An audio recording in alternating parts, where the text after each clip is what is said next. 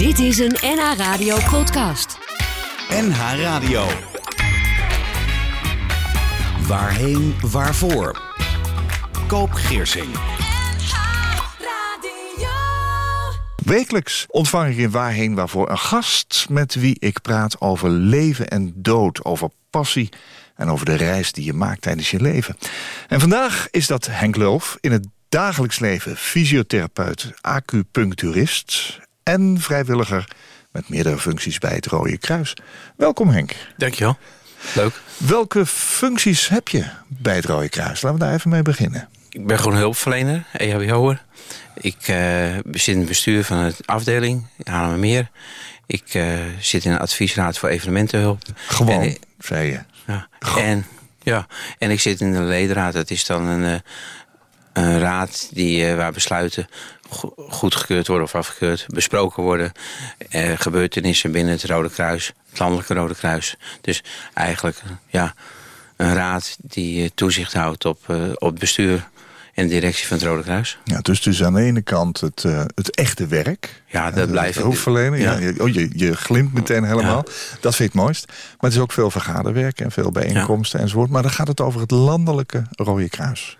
De ja, afdeling Rode Kruis en het landelijke Rode Kruis, ja. Ja, dat snap ik. Ja, het Rode Kruis, dat hoort bij mijn gast Henk Lulf. Die daarnaast ook af en toe vrijwilliger is bij een huisarts in Nepal. En Henk heeft drie Nederlandstalige liedjes meegenomen... die hij op zijn uitvaart wil laten horen. Henk, je bent af en toe vrijwilliger bij een huisarts in Nepal. Dat is voor de luisteraars een land in de Himalaya tussen India en China. Wat doe je daar? Ik uh, doe fysiotherapie en uh, voorkomende dingen die ik ooit geleerd heb uh, op eerste hulp. Er gebeuren genoeg ongelukken in dat gebied. Ja, en waarom Nepal? Ja, daar ben ik ooit een keer terechtgekomen. Ik, ik had een reis Tibet-Nepal. En een van de gasten werd ziek in Nepal. En, en die kwamen bij een huisarts daar terecht. En dat vond ik zo leuk. En onze reisleidster had al contact met hem en die heeft een stichting. En uh, ja, via haar stichting uh, ga ik dan af en toe naar Nepal. Ja, en is dat een Nepalese huisarts ook? Ja. Ja, het is eigenlijk een physician assistant, niet echt een huisarts, maar hij functioneert uh, meer als hui echt als een goede huisarts. Hij is echt fantastisch voor de mensen, krijgt, doet heel veel voor, voor niks ook, krijgt van, van de stichting waar ik ondersteun, krijgt hij ook geld om me, kansloze mensen, wat je natuurlijk in Nepal door het kassensysteem nog steeds veel hebt. Oh ja. En ja, daar is hij gewoon heel goed mee bezig en het is gewoon heel leuk om met die mensen om te gaan. En uh, ik geef ja, fysiotherapie, acupunctuur, uh, eerste hulp. Hoe, hoe gaan ze daarmee om met, met zo'n zo'n blanke Nederlander die dan van ver komt? En uh, als je daar naartoe gaat, ben je daar dan een paar weken? Of, of? Drie weken. Drie weken. En ja, ze gaan er heel goed mee om. Ze komen graag bij je. Ja. Hoe communiceer je dan? In het Engels. Nepalezen krijgen uh, in doorsnee uh, goed Engels op school. Dat, dat is wel goed gedaan. Ook een verplicht schoolsysteem. En, uh, en de hele ouderen spreken het daar niet, maar die nemen altijd een kind mee. De begeleiding door kinderen ja. is gewoon goed daar. Ja. Hoe ziet zo'n dag eruit als je daar bent? Uh, ontbijt in het hotel, dan uh, naar de huisarts toe. Je ziet je patiënten. Er zijn twee posten. Dus dan ga je op een gegeven moment op de fiets door de reisvelden heen. En dan uh, naar de volgende post. En er zijn wel eens wat mensen die aan huis, dus in hutjes, behandeld. En, dat ja, doe jij dan ook? Ja. En dan een keer middag eten en dan in de middag verder. En dan, ja, s'avonds om een uur of vijf, zes stop je. Maar ook wel eens om acht uur, negen uur s'avonds. Ja. Ja. Zijn de problemen daar anders dan bij ons? Ja, de armoede geeft klachten, het harde werken geeft klachten. Uh, zijn, zijn mensen die echt overbelastingsklachten hebben. De, de psychologische factor haal je daar wat minder uit. Maar ik denk dat mensen er toch wel last van hebben. Van de armoede en, en de slechte leefomstandigheden die veel mensen hebben. Ja. ja, dan ben jij daar natuurlijk een dokter. Voor hun wel, ja. Ja, nee, dat, dat snap ik ook heel goed. Um, wat voor klachten krijg je vanuit armoede bijvoorbeeld? Is dat vooral psychologisch? Of is dat ook, vertaalt zich dat ook in lichamelijke klachten? Ja, gewoon door het harde werken wat ze moeten doen. En, en slecht bed, slecht, slechte uh, comfort in de hutjes. Uh, gewoon geen geld voor uh, gezondheidszorg hebben. Mensen met een CVA-beroerte zijn er vaak erger aan toe dan hier in Nederland, omdat ze gewoon geen revalidatie krijgen. Dus het is ja wel. De, de lichamelijke functies zijn anders dan in Nederland, puur omdat je het geld niet hebt voor gezondheidszorg. Ja, ja. En mensen worden, wat je in meer Aziatische ziet, landen ziet, gewoon weggestopt hè, als ze gehandicapt zijn. Het is niet zo reactiverend zoals met name in Nederland gewoon toch wel heel veel gebeurt. Ja. Als je dan weer naar huis gaat na die drie weken, heb je dan het idee dat je een steentje hebt kunnen bijdragen? Ja, waar ik Zeker, maar op dat moment. Ik vind zelf dat ik eigenlijk structureel, dat ze er wat aan hebben. Uh, langer aan hebben, vind ik eigenlijk te weinig. Ik probeer die huisarts wel technieken bij te brengen die uh, ik doe. Draainieling is een onderdeel van de fysiotherapie en acupunctuur. En Wat is dat? Draainieling is uh, prikken op spierknooppunten, trigger points, waardoor klachten die die spier veroorzaakt kunnen verdwijnen. Ja. Ja. En dat heb ik al geleerd en dan houdt hij dat twee, drie weken bij. En dan zakt het toch weer af. Ja, dat is ook een vak natuurlijk. Ja. Hè? Ja. Soms lukt het wat gewoon inzicht te geven met de oefeningen. Ja. En dan blijft dat langer hangen. Maar ik, ik zou nog meer willen zoeken naar dingen waar ze gewoon langer wat Ja, maar hebben. goed, j- jij gaat na drie weken weer weg. Dan komt er, neem ik aan, via die stichting weer een ander. Wel eens, ja. Ook, maar dat zijn vaak verpleegkundigen en soms fysiotherapeuten. Ja, ja. Nou moet je daar ook drie weken vrij voor plannen. Dus je, je moet je eigen, misschien is het je vakantietijd wel. Ja. Waar komt die drang vandaan?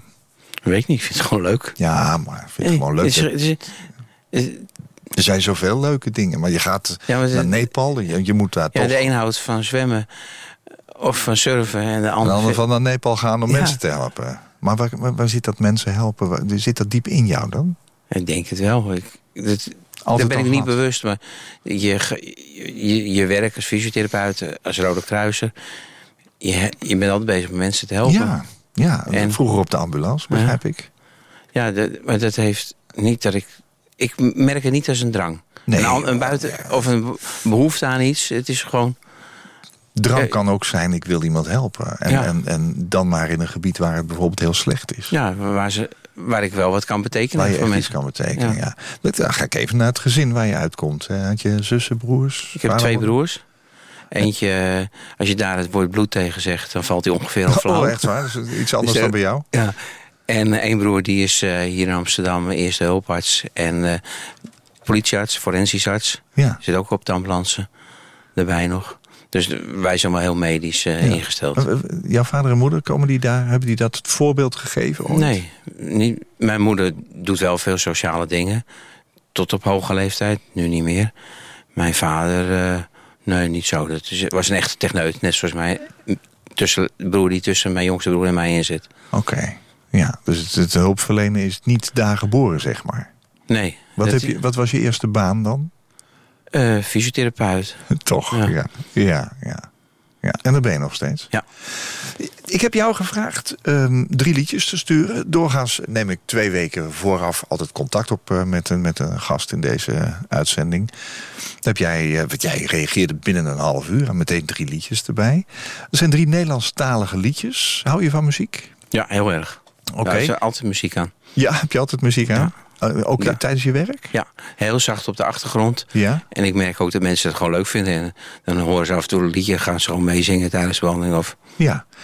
Eh, Het zijn drie liedjes die eh, allemaal ook ook wel een heel klein beetje in kleinkunst eh, thuis horen, zou je kunnen zeggen.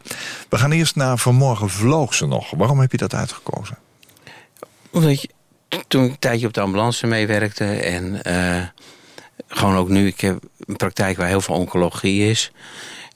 Eh, zeker in het ambulancewerk merk je gewoon dat mensen ga- gaan een stokbroodje kopen, vallen neer en zijn dood. Je kunt niet meer te reanimeren. En dat soort dingen van, ja, ze vlogen nog en ineens zijn ze weg. En zo pang, zoals eh, Robert Long dat mooi zingt dan eh, zijn ze dood. Nou, dit is een hartaanval. En zijn weg.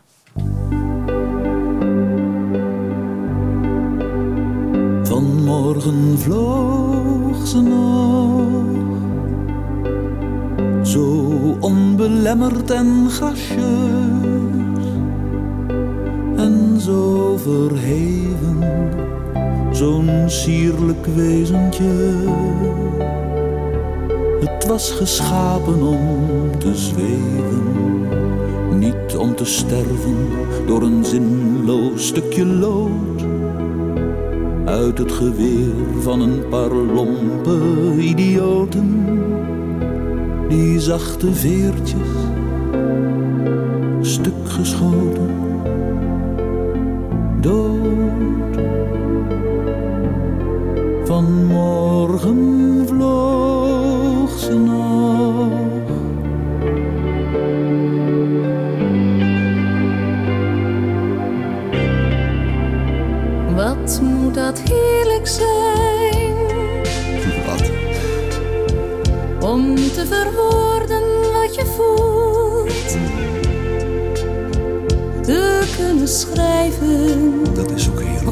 Wat benijd ik u.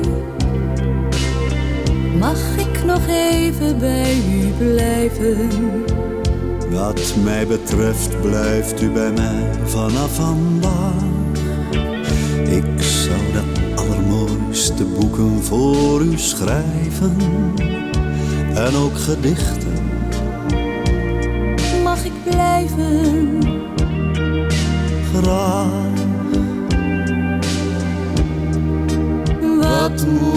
Dat heerlijk zijn?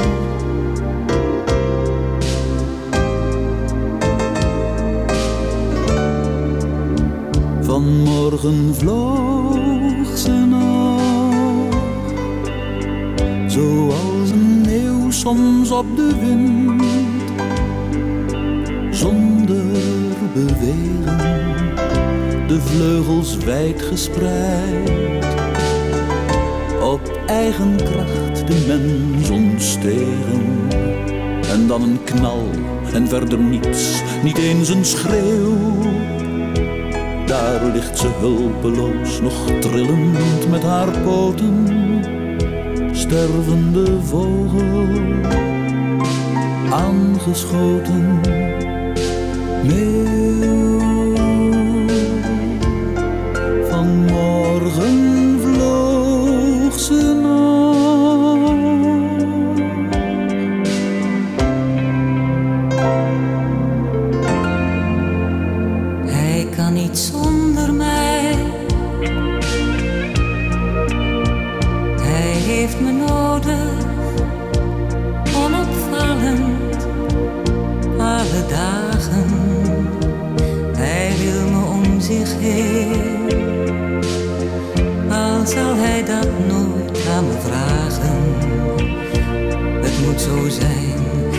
misschien de wil van God.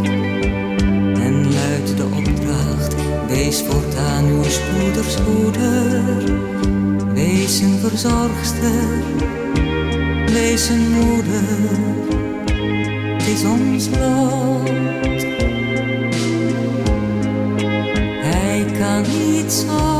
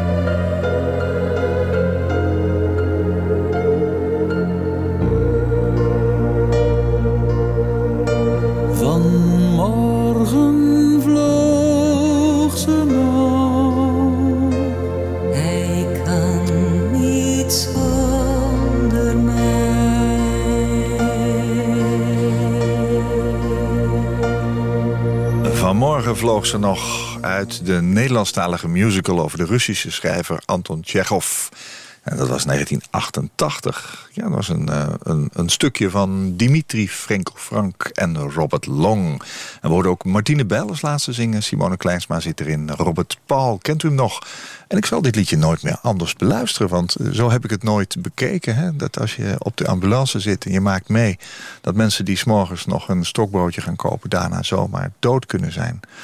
En dat zit ook een beetje in dit liedje, hè, vanmorgen vloos nog. Ja. Met vier hele mooie stemmen. Dat, ja, uh, ja, zeker weten. Echt, ja. Uh... Dankjewel. Jouw eerste van drie liedjes, er komen er nog twee, zijn ook Nederlandstalig. Dat is mooi, maar is ook toevallig, hoorde ik net ja. uh, van je. Um, Henk Lulf is vandaag mijn gast in het dagelijks leven. Henk, ben je fysiotherapeut en acupuncturist.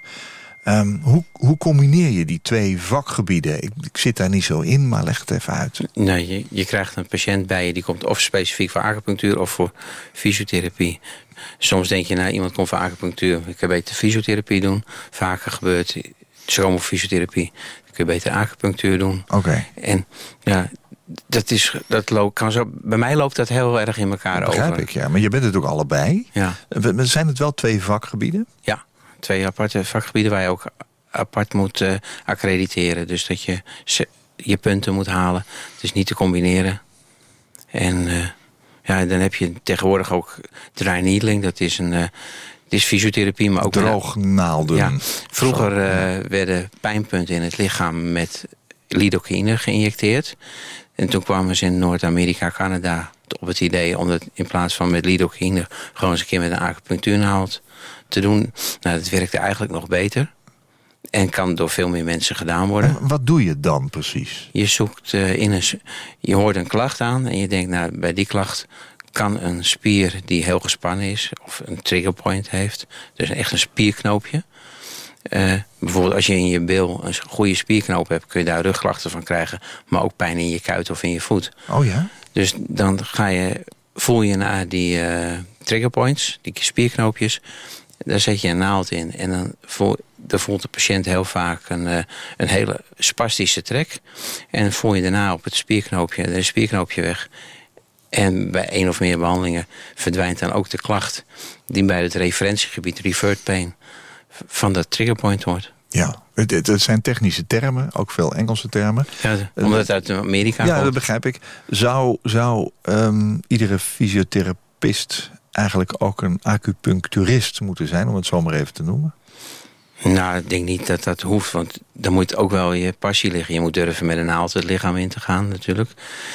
En acupunctuur komt heel filosofisch over, maar je kan het ook heel technisch praktisch maken, zoals ik het meer doe. En uh, het zou wel mooi zijn als het hebben, want het geeft mensen, fysiotherapeuten veel meer inzicht in een klacht en waardoor een klacht ontstaat. En mensen bijvoorbeeld met lage, lage rugklachten ja. of uh, knieklachten, kan het probleem heel ergens anders liggen. Daar kun je ook als fysiotherapeut aan denken. Maar als acupuncturist ga je toch breder kijken nog. Ja.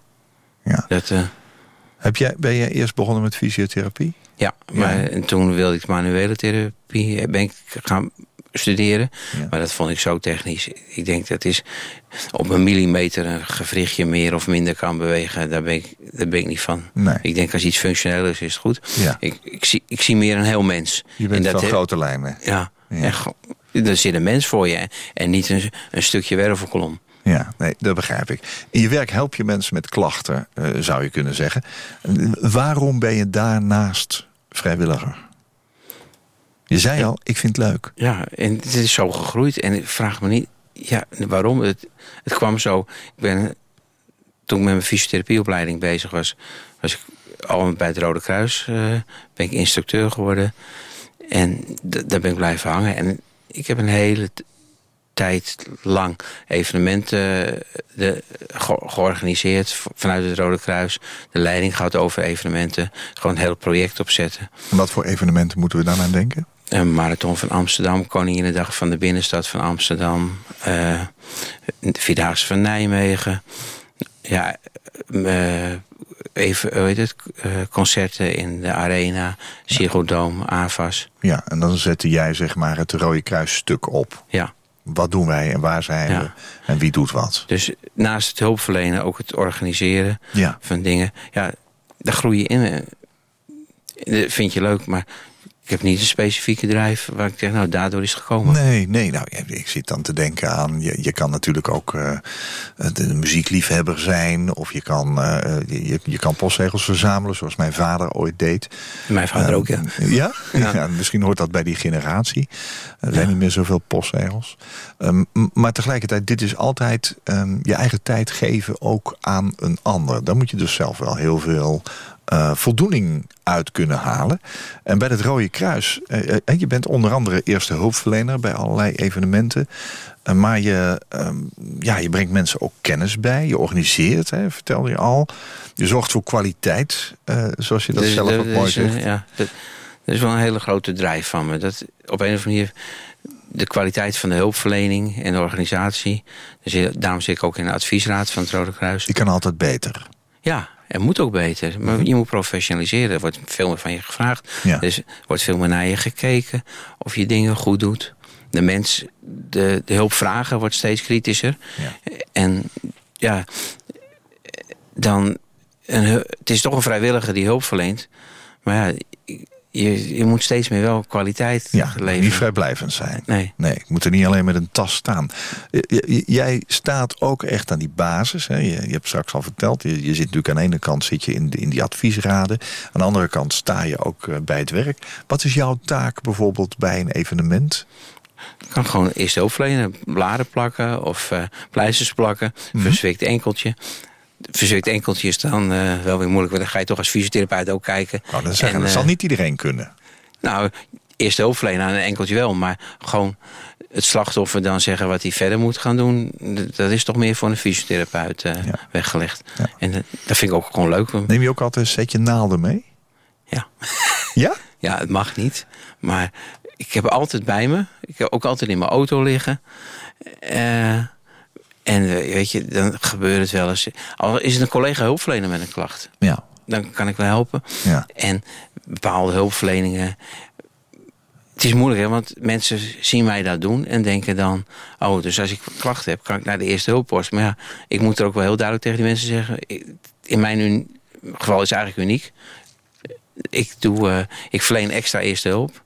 Maar daar worden ze wel steeds kritischer op van het Rode Kruis... dat je dat niet zomaar doet. Dat vind ik ook terecht. Want niemand kan het binnen het Rode Kruis. Tenminste in dit gebied. Dus ja, je moet er wat voorzichtig mee omgaan. Maar ik kan het niet nalaten als iemand echt... Heeft. En die naalden kun je ook vervangen... door gewoon langdurig op een puntje te masseren. Ja. En dan hou je toch iets... Uh... Maar goed, dat is, een, dat is natuurlijk een techniek die jij ook meester bent. Ja, en ik, kan niet, ik kan niet hebben dat als iemand een klacht heeft waarvan ik zeg, nou, daar kan ik je in twee tellen wat mee doen. Om dan iemand te laten gaan. Ik snap het. Je, je hebt het over uh, enkeltjes. Maar heb je uh, bij een evenement ook wel eens de confrontatie met de dood uh, meegemaakt? Ja, een reanimatie. Een evenement. Wat gebeurde er de laatste keer dat je dat kan herinneren? Of de eerste keer? Nou, ja, dan reanimeer, reanimeer je iemand. En die overleeft het niet. Dat, uh, dan heb je 75% kans dat iemand het niet overleeft. Ja, dat is de techniek. Maar goed, het, als je dat daar doet... Ik heb ook een keer iemand gereanimeerd in de trein. Ik vond het nogal indrukwekkend. Hoe, hoe is dat bij jou? Nee, ik heb het vaak genoeg gedaan. Dus echt indrukwekkend. Ja, ik snap dat het voor de omgeving indrukwekkend is. Ik doe gewoon mijn... Uh, ja, klinkt dan zo. Bijna mijn kunstje. Ja. Je helpt iemand. Je wacht tot... Uh, tot de professionals te zijn met de apparatuur en, uh, inf en infusen zetten en medicijnen geven. En ik, geef natuurlijk heel veel reanimatielessen. En ja, je, bent zo gewend. Het, gaat heel automatisch. een tijd geleden was ik met mijn vrouw in Berlijn. Er werd er gevraagd of er een arts of zo in de buurt was. Dan, nou, dan duik je ook op iemand, je gaat reanimeren tot de brandweer en de ambulance komen. En dan help je nog. En dan stap je terug en dan heb je gewoon je dingetje gedaan. En dan ga ik weer verder. Ja. Binnen het Rode Kruis is dan wel de gewoonte als dat gebeurt... dat, dat je een opvanggesprek hebt. Maar dat, ik, ik kap dat ook wel heel snel af. Want ik denk, ja, het is, ik heb er geen last van. Nee. Het is, je hebt gedaan wat je kunt doen en dan ga je verder. Ja. Dus Sta jij open voor eh, collega's of mensen die je opleidt... die misschien wel behoefte hebben aan zo'n zo'n Ja, opvanggesprek? Maar het is ook, ook een deel van mijn taak binnen het Rode Kruis. Dat, dat ik in ieder geval de opvangen organiseer. Ik doe meestal niet zelf de opvang. opvang. Dan hebben mensen gewoon een paar mensen binnen ons, eh, bij mijn team, in ieder geval met heel Nederland. Hoe is die georganiseerd, die opvang? En wat wat gebeurt er dan in zo'n geval? Eh, afhankelijk van waar het gebeurt, of bij een landelijke inzet is of bij een lokale inzet, wo- wordt eh, heet het, inzetcoördinator of ik word geïnformeerd. Mhm. En degene die de nazorg doet. En er zijn twee mensen bij onze afdeling die de nazorg doen. En die gaat een van die twee eh, in ge- gesprek aan of een telefoontje en dan kijken eh, wat er verder moet gebeuren.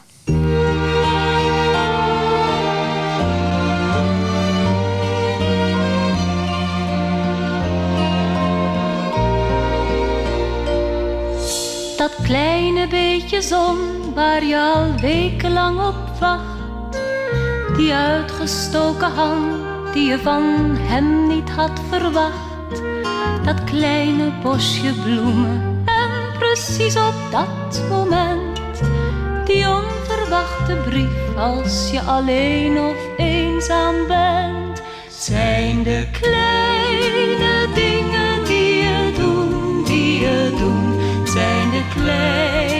dingen die je doet. Zijn de kleine dingen die je doet, die je doet. Zijn de kleine dingen die je doet. Die kinderstem die kleur geeft aan een saaie grijze dag. Dat onverwacht gesprek toen je het allemaal niet meer zag. Het was even net als vroeger Het geeft je leven kleur, is ineens een beetje zon. Zijn de kleine dingen die je doet, die je doet. Zijn de kleine dingen die je doet. Zijn de kleine dingen die je doet, die je doet. Zijn de kleine dingen die je doet. We leven in het groot, we maken veel te veel misbaar. We praten wel, maar luisteren te zelden naar elkaar. We kijken naar één punt en veel te weinig om ons heen. We zien geen kleine dingen en dus blijven we alleen. Het zijn de kleine dingen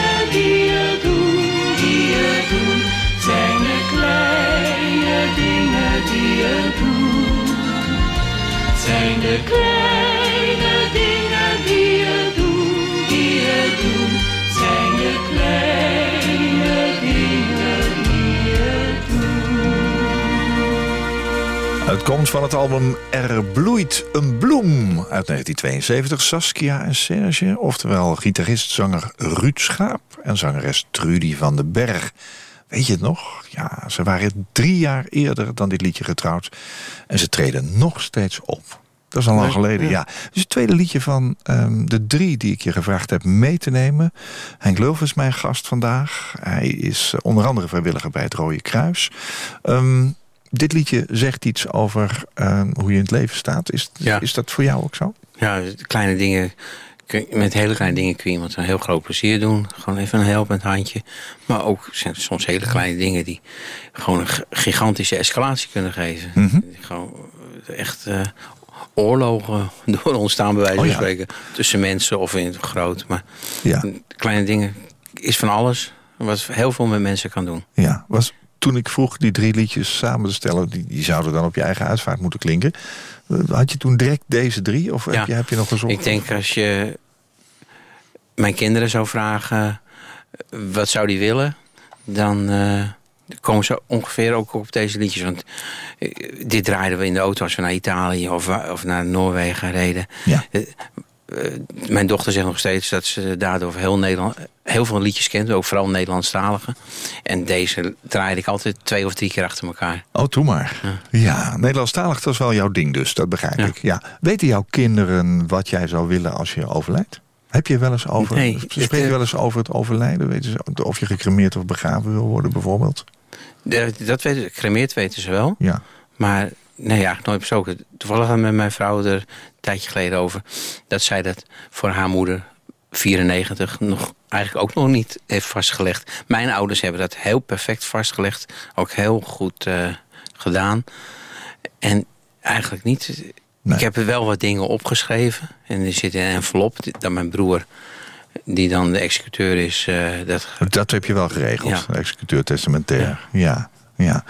Oké, dus je hebt het aan de ene kant wel gedaan... maar er heel vrij over spreken, dat is nog niet gebeurd. Nee, het komt eigenlijk nooit van. Nee, Dus zoveel zie ik mijn kinderen ook niet. nee. Dus ja, de- nee, Hoeveel kinderen heb je? twee. Twee. Hoe oud zijn En mijn vrouw heeft ook nog twee kinderen. Ja. Hoe, hoe oud zijn je kinderen? Eh 31 en 30. Kijk, en hoe heten ze? Dan, eh, dan... Iris en Jeroen.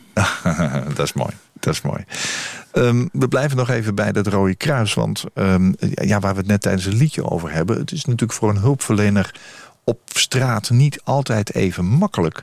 Eh, omdat je ook eh, wel tegenwerking krijgt. En we lezen natuurlijk regelmatig in de krant over agressie. Maak jij dat ook mee? Heb je dat ook meegemaakt? Ja, regelmatig. Dat kan zijn dat eh, de mensen op straat wat tegen je zeggen... of bij een evenement. Ja. Evenementen worden natuurlijk ook regelmatig drugs en alcohol gebruikt. Dat maakt mensen ook niet zo makkelijk. Nee. Ik, eh, daarvan hebben we heel veel ervaring bij het Oktoberfeest in München ook. Dus ik ben ook bij het Duitse Rode Kruis wel Ja. actief. En ik heb zelf één keer een eh akkefietje gehad. Dat, eh, daar is een heel leuk concert in het Westerpark. Gewoon een, eh, een toeschouwer kwam na afloop en die wilde tegen onze tent aanplassen. En hij vond dat zo raar dat ik dat verbood dat hij me een kopstoot gaf. Zo. En ik had zoiets van, weet je, het kopstoot laat me zitten... maar de beveiliging accepteerde het niet. Dus hij werd gelijk eh, in de houtgreep genomen. Of Ja. ik moest hem aanwijzen wie het was. Werd in de houtgreep genomen. En eh, overgeleverd aan de politie. De politie vroeg of ik aangifte wilde doen. Ik denk, jeetje, het is half twaalf s'avonds. En dan nog aangifte doen terwijl ik de volgende ochtend weer moet werken. Een vriendin van ons, die... eh, zat bij de politie daar ook, toevallig. Die zei, Henk, nee, je moet het echt doen. Dus toen heb ik eh, tot half drie op het politiebureau gezeten. En om half acht mijn eerste patiënt. De agent, toen ik wegging, zei de agent nog wel... ik ben blij dat ik uw eerste patiënt niet ben. Ja. we zo vast niet wakker zijn. maar het viel mee. Ja, ja. Maar wat is daarvan, wat is daarvan Eh, er is een rechtszaak geworden. uitgekomen? Ja. En eh, die man heeft eh uitgebreide excuusbrief geschreven. En je kan op begrijpen, hij zat gewoon echt slecht in zijn vel. Maar ja, dan moet je niet agressief worden tegen, tegen een hulpverlener. En vooral met dit. En hij is bestraft. En eh, ik heb op een gegeven moment, ik heb, hoe heet het, me, me, ben weer gaan slapen. En ik denk, ik bel mijn patiënt af. Ik wil wel een beetje nachtrust nog hebben. Ja. En die drie uur dat ik niet gewerkt heb, heeft hij ook volledig vergoed. Oké. Ik heb nog een etensbon van hem gekregen, maar die heb ik niet gebruikt. Maar hij, eh, hij heeft het geweten. Maar Ja. Dus de agressie tegen hulpverleners, ja, dat moet je ook wel aanpakken. Ik denk dat dat goed is. Daar hebben Ja. ze gelijk in gehad. Dat moet je ook aangifte doen. Dat moet je niet laten lopen. Nee. En nou is dit nog dit, maar wat je vaak hoort is ook dat mensen gewoon op straat lastiggevallen worden terwijl ze iemand aan het helpen zijn. Het is onbegrijpelijk waar dat vandaan komt, vind ik. ja. Maar goed, drugs en alcohol, je zei het al. Hè? Je hebt, ehm, en daar wil ik nu naartoe, je hebt geassisteerd bij diverse rampen. Zoals bijvoorbeeld de Belmer-ramp. Hè? U weet wel, de vliegramp die op die zondagavond in oktober 1992 eh, plaatsvond. In de Amsterdamse Belmermeer. Je, je, hebt, ehm, je bent geweest bij het treinongeluk Hoofddorp. Was een spoorwegongeluk in de Nederlandse plaats Hoofddorp, waar jij vandaan komt. Dat was in 1992 november. Eh, door een te hoge snelheid bewerkzaamheden liep een eh, intercity toen uit de rails. En bij deze ontsporing zijn vijf mensen om het leven gekomen. En daarnaast waren er meer dan 30 gewonden. Je hebt ook nog geassisteerd bij de nieuwjaarsramp in Volendam. Dat was ook verschrikkelijk. De cafébrand in eh, Café de Hemel in de nieuwjaarsnacht van 2000 op 2001. En je was zelfs bij de poldercrash van Turkish Airlines. Er zijn toch hele grote dingen waar, waar wij als niet-hulpverleners alleen de televisiebeelden van zien. Die ook eh, verschrikkelijk zijn. Wat, wat gebeurt er met je als je voor zo'n dergelijke ramp wordt opgeroepen? Je, je gaat, je zorgt dat je snel op je post bent. Eh, je wacht tot er genoeg mensen zijn. En dan ga je daar met, eh, met de auto naartoe. Wat gebeurt er van binnen bij Henk Lulf? Nou, Word, word je, word je gespannen? Wat, wat, wat, ga, je- ga je f- ja, focussen? je krijgt al natuurlijk wat adrenaline. Je gaat denken, wat, Kick. Nee, geen kick. Oh, Die, die is achteraf gewoon van, het, het is ons weer gelukt. oh, En we hebben zo goed mogelijk onze best gedaan. Ja. Maar je, je pieper gaat. En je denkt, nou, het gebeurt vaak genoeg dat het loos alarm is. ja. En nu had ik gelijk wel zoiets van, met Turkish Airlines... dit is geen loos alarm. Nee. Dus eh, ik, en ik, ik zat vlak bij de Rode Kruispost, dus ik was er ook zo.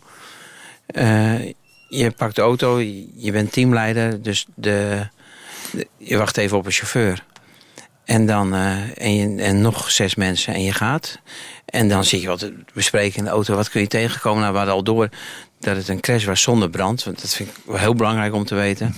En wat zou je tegen kunnen komen? Ja. En ik, ik weet dat ik daar aankwam rijden over de Spieringweg. En dat, dan zie je eerst een motor in het weiland liggen. Want die schiet dan los van een vliegtuig. En dan zie je verderop zo'n vliegtuig waar het al krioelt van brandweer en ambulancemensen. En dan ga je een hulppost opzetten. Ja. Waar slachtoffers naartoe kunnen komen. ja. Wat trof je daar aan? Wat, wat kun je herinneren van wat, wat indruk maakte op je? Eh, mensen die gewoon helemaal verdwaasd waren. Mensen met klachten eh, van hun lichaam. Soms met echte kwetsuren. Soms alleen kneuzingen. M- wij hebben alleen de lichtere gewonden gezien. Wat we categorie 3 noemen. Eh, de, de zwaargewonden was zoveel ambulancepersoneel al in korte tijd. Dat die dat bij het vliegtuig afhandelden. En met de brandweer over de akkers gelijk naar een ambulance reden. Mensen, lichtgewonden, die kwamen bij ons terecht. En eh, nou, dan moeten we organiseren dat er hulpverleners meegaan in een eh, stadsbus... die ook te- vrij snel waren, naar een van de ziekenhuizen. Ja. En dan achteraf merk je dat de mensen die gewoon eigenlijk bijna on- ongedeerd uit het vliegtuig komen... dat die later toch een bekkenbreuk hebben. Dat, dus dat De adrenaline en, eh, helpt ze dan om, ja. om te kunnen blijven lopen en, Ja. en functioneren. En achteraf hebben ze de pijn en Ja. de ellende. En eh, in dit geval was er gelukkig een urologieverpleegkundige in het team... Ja. die dan merkt dat iemand niet kon plassen. En dan ga je nadenken. En dan geven ze nog niet eens zoveel pijn aan. En pas als je erover gaat praten, komt dan de pijn. Snap ik, ja. La- Laten we eens even naar die zondagavond 4 oktober 1992 teruggaan. Dat is heel lang geleden. Maar het was wel een hele impactvolle ramp Ja. op, eh, op televisie ook. Omdat een vliegtuig wat neerstort op Amsterdam... dat is iets wat, wat, ja, dat, wat je nooit zou verwachten. Eh, Nee, dat was die nou, Boeing 747 ja. van El Al, hè, de Belmer ramp. Wat kun je van die dag herinneren? Hoe ging dat? Nou, de, mijn pieper ging dat ik naar eh, het Rode Kruisgebouw... toen nog in Amsterdam zat ik, ging. En dat je dan... eh, Wist je toen nog van niks? Nou, ik wist dat er een vliegtuigramp was. En ik, met, het team was al weg. En to- toen kwam de oproep voor extra spullen.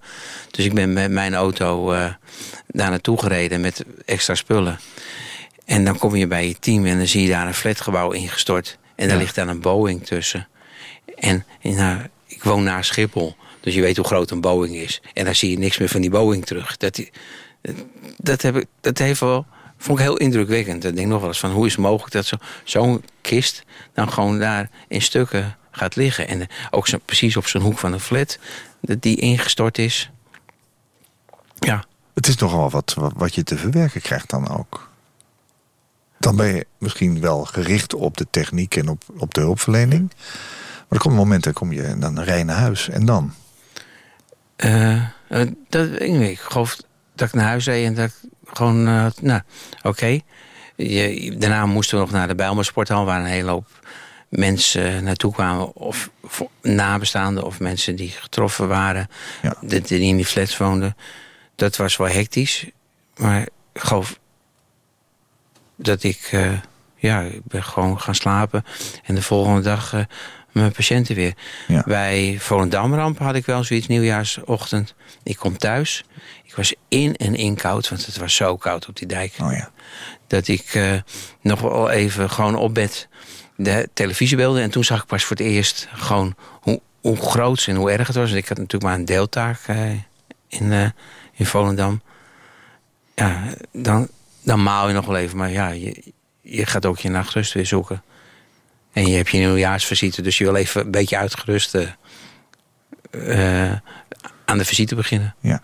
Is het wel zo dat je nog eens nachten daarna eraan denkt? Of dat het terugkomt? Of dat je daar nog eens eh, Ja, je over denkt- praat? Ja, je, Je vergeet het nooit meer, toch? Nee. Je, je sowieso ga je debriefen diezelfde dag. Dus de nagesprek.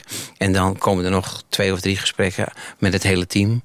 En degenen die daar de behoefte aan hebben, die kunnen dan nog langer uh, napraten. Uh, je praat er met elkaar over. En weet je, nu hebben de mensen zo nog wel over. En je ziet, uh, je komt wel eens in Volendam en dan zie je mensen die gewoon nog de littekens van die brand dragen. En een hele goede vriend van mij, die, die woont, is een Volendammer. Die woont nu niet meer in Volendam, maar daar heb je het er ook nog wel eens over, over de gevolgen. Ja. Maar de, ik vind het heel erg voor die mensen wat er gebeurd is, maar het, het is wel mijn werk gewoon geweest en daar blijft het ook bij.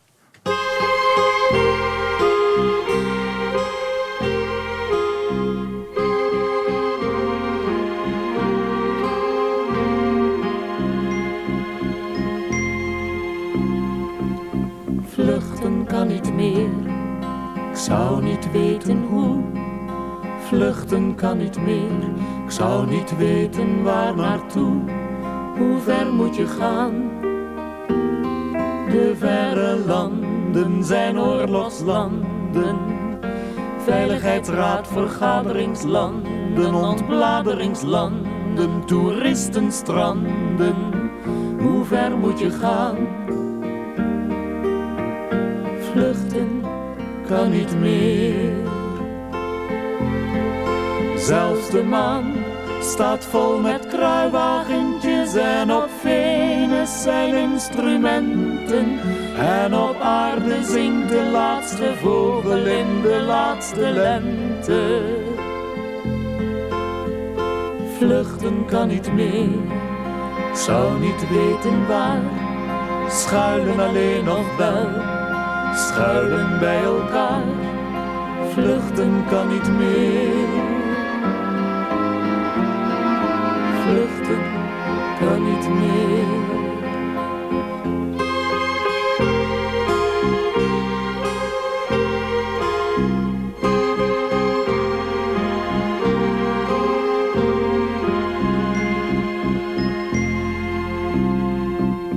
Vluchten kan niet meer, heeft geen enkele zin. Vluchten kan niet meer, ik zou niet weten waarin hoe ver moet je gaan? In zaken of werk of in discipline, in yin of in yang of in heroïne, in status en auto en geld verdienen. Hoe ver moet je gaan? Vluchten kan niet meer. Hier in Holland sterft de laatste vlinder op de allerlaatste bloem. En alle muziek die overblijft, is de supersonische boem. Vluchten kan niet meer, ik zou niet weten waar. Schuilen kan nog wel, heel dicht bij elkaar. We maken ons eigen alternatiefje met of zonder boterbriefje. Liefje, mijn liefje, wat wil je nog meer? Vluchten kan niet meer. Vluchten kan niet meer.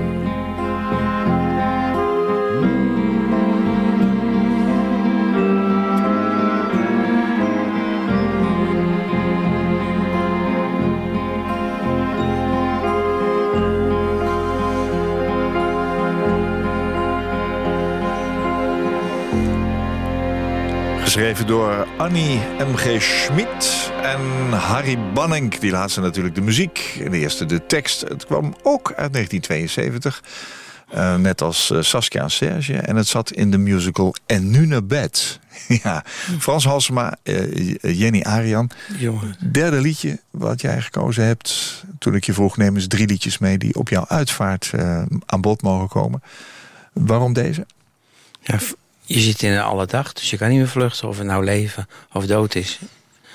Je, het gebeurt en daar kun je niet uit vluchten. Je, Nee. Mensen proberen het wel, maar je moet gewoon accepteren wat er, wat er gaande is. Voor sommige dingen kun je niet weglopen. Nee. Nee. De andere helpen zit in jouw bloed, hè, letterlijk. Maar ook door bijvoorbeeld mensen op te leiden. Je geeft eerste hulptrainingen. Um, en zelfs help je in je beroep als fysiotherapeut en acupuncturist. En ik begrijp dat je in een praktijk werkt met oncologiepatiënten. Ja, mijn Ja. collega's doen heel veel oncologiepatiënten. Ja. Ik ondersteun daarbij met acupunctuur in voorkomende gevallen dat mensen gewoon beroerd zijn van een chemo of van een Ja. bestraling. Hoe is dat? Ja, bijzonder. Fijn om te, om te doen. En eh, gewoon dankbaar als het lukt. Maar balen als je iemand niet optimaal kan helpen. Dat gewoon de klachten zoals misselijkheid of opvliegers... eh, gewoon dat je die niet wegkrijgt. En mensen glippen ook tussen je vingers door en gaan dan dood. En dat, eh, vooral als dat jonge mensen zijn. Jonge moeders zien we heel veel. Vind ik dat toch... Ja, maakt even indruk op je. Wel. En ja, ja dat, eh, daar baal je gewoon van. Je weet, vluchten kan niet meer. Je weet dat het erbij hoort. En dat de kans gewoon aanwezig is. Ja. Maar je, ik vind het eh, zeker voor die gezinnen en voor mijn collega's heftig. Mijn collega's zijn ook fysiotherapeuten in het hospice bij ons. Dus zien ook heel veel mensen gaan.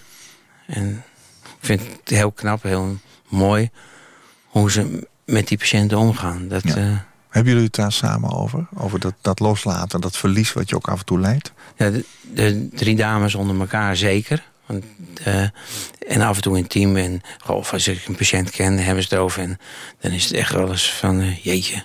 Dan, ga je bijna vloeken om. Gewoon eh, zo'n jong, mooi iemand. Het zijn, wat me verbaast, zeker met... Wij zien heel veel borstkankerpatiënten. Dames, vooral. Die eh, gewoon zo in het leven staan. Zo enthousiast zijn. Zo vechtlustig hebben. Ja. En dan toch er tussendoor glippen. Dat, dat, dat is niet leuk. En daar, daar praat je ook met elkaar over. En dat moet ook. Ja. Ja. Helpt dat ook? Ja, ja vooral voor mijn collega's die er last van hebben. Die zijn blij als je, als je erover kan praten met Ja, elkaar. ja. Je liet me weten eh, eh, nooit zo lang stil te staan bij problemen en gebeurtenissen. Maar je denkt nog wel eens terug aan bijvoorbeeld je eerste reanimatie. eh, Of je eerste echte zieke patiënt tijdens je stage. Wat onthoud je daaraan? Ja, hoe, hoe de setting is gegaan. Hoe de gesprekken zijn gegaan. Hoe je met elkaar om bent gegaan. Dat, dat gewoon dingetjes. ja, die, die vormen je gewoon voor de rest. En maken gewoon dat je nog meer bewust bent van het hulpverlener zijn. Ja. ja. Hoe ga je zelf om met, met, met, met eh, verdriet en tegenslag? Mm, Ja, heel wisselend. Dat, het is, ik, kan zo, ik kan boos worden. Ik kan heel stil en terugtrokken. Dat is vooral mijn aard. Gewoon even terugtrekken. Eh, ja, ja, ik kan wel eens een traantje laten. Dat doe ik dan ook wel in een hoekje dat niemand het ziet. En eh, ja, de, van tevoren is niet te voorspellen. Het moet gewoon de hele setting eh, heel wisselend. Ja. ja. Mijn gast vandaag was eh, Henk Lulf. In het dagelijks leven fysiotherapeut en acupuncturist. Henk is vrijwilliger met meerdere functies bij het Rode Kruis... waar hij assisteerde bij een aantal grote rampen. Daarnaast is hij af en toe vrijwilliger bij een huisarts in Nepal. En zijn motto... Als je iets doet voor anderen, moet je je optimaal inzetten binnen je mogelijkheden. Henk, dank voor je aanwezigheid, voor jouw verhaal. En dank ook dat jij je wilt blijven inzetten voor anderen. Alle goeds gewenst. Dankjewel. Ik vond het leuk om te doen. Fijn dat je er was. Koop Geersing. Als jij een keer te gast wilt zijn in Waarheen Waarvoor... om te vertellen over jouw levensreis, laat me dat dan weten... via waarheenwaarvoor.nhradio.nl waarheenwaarvoor.nhradio.nl Dit was een NH Radio podcast. Voor meer, ga naar nhradio.nl. Radio.